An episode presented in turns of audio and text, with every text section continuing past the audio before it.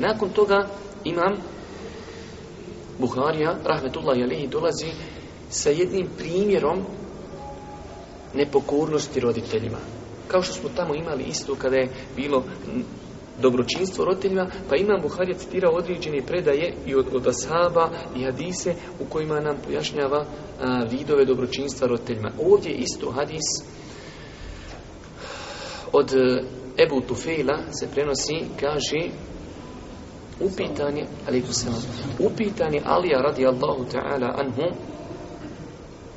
kaže, je li vama Allahu poslanik alihi salatu wasalam dao nešto vama, porodici Božih poslanika, je li vam dao njegovim, znači, njegovoj rodbini, je li vam dao nešto što nije dao drugima.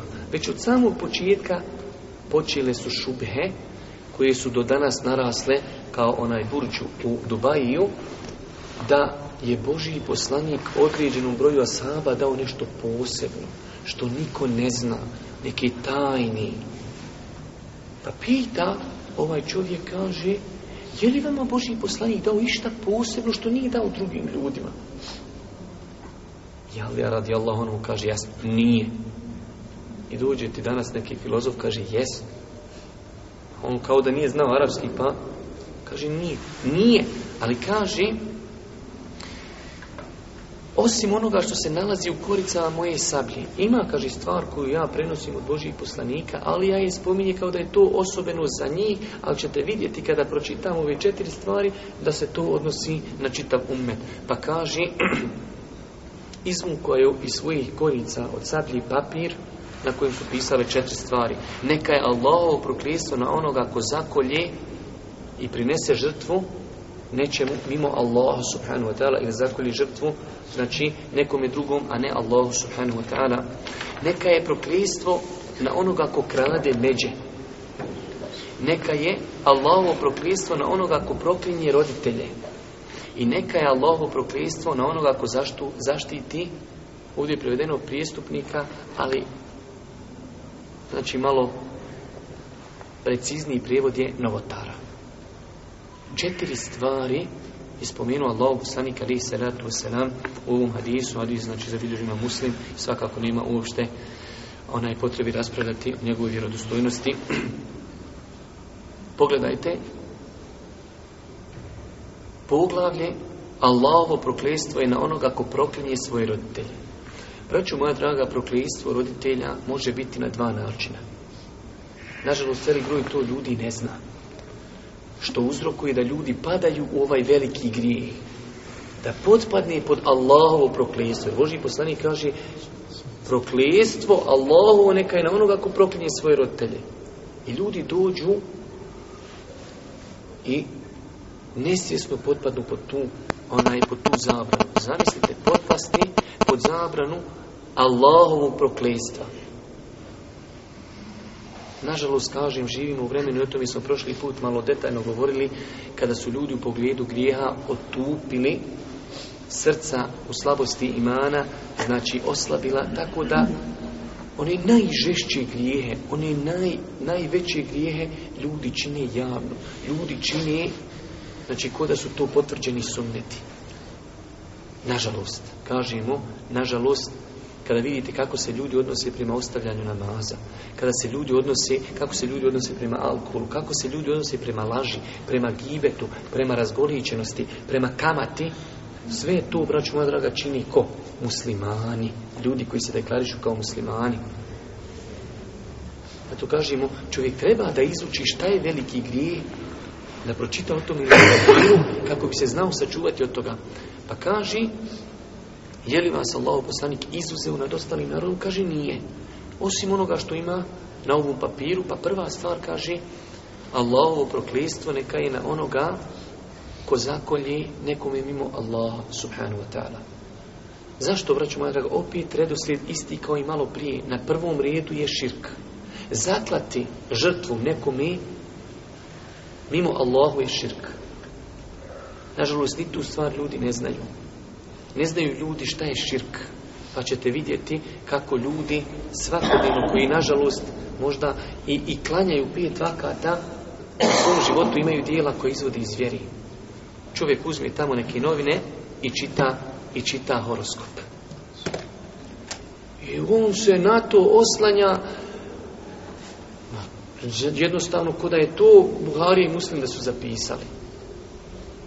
Čovjek ode tamo kod nekog mađoničara ili nekog sihribaza i kaže, pazi, to, to će se desiti, gotovo, znači, završena stvar.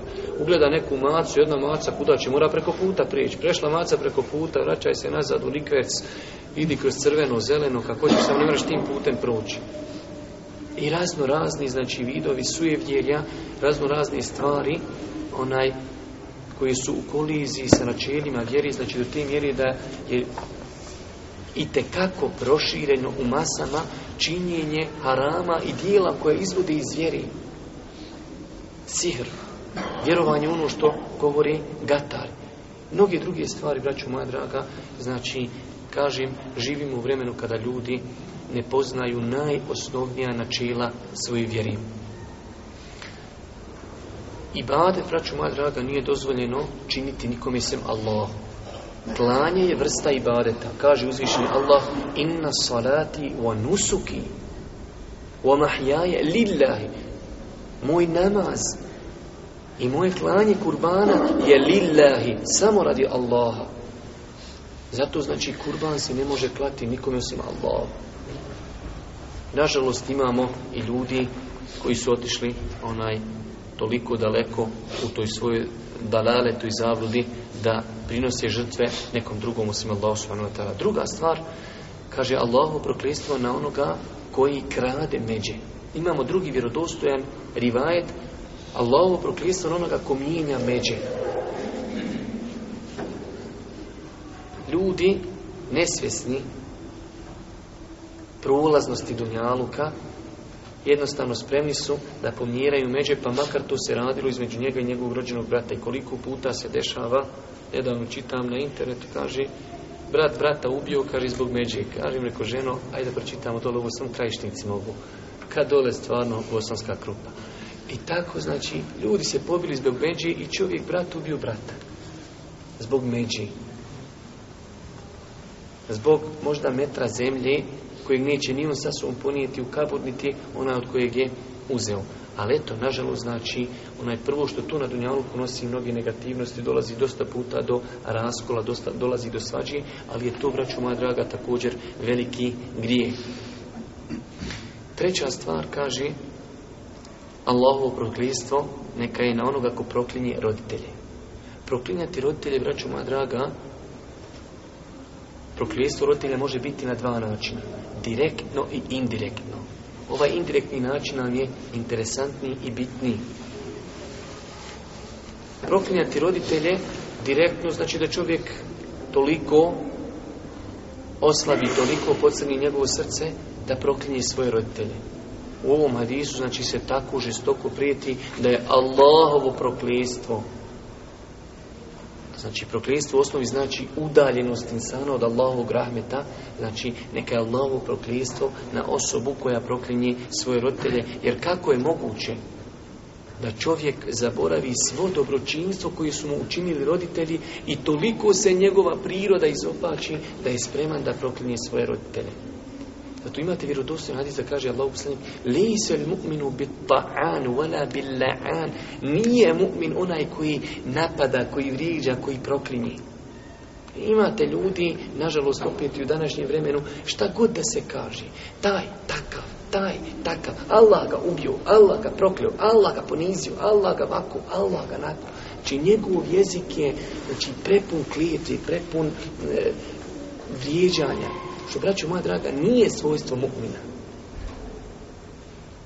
Čak, znači, imate fiksko pitanje, u koji se može na kraj krajeva i vezivati akidsko pitanje, da li je dozvoljeno dobiti i tu smo trebali već u prošlom predavanju spomenuti da li je dozvoljeno dobiti za roditelje koji su nevjernici, a živi.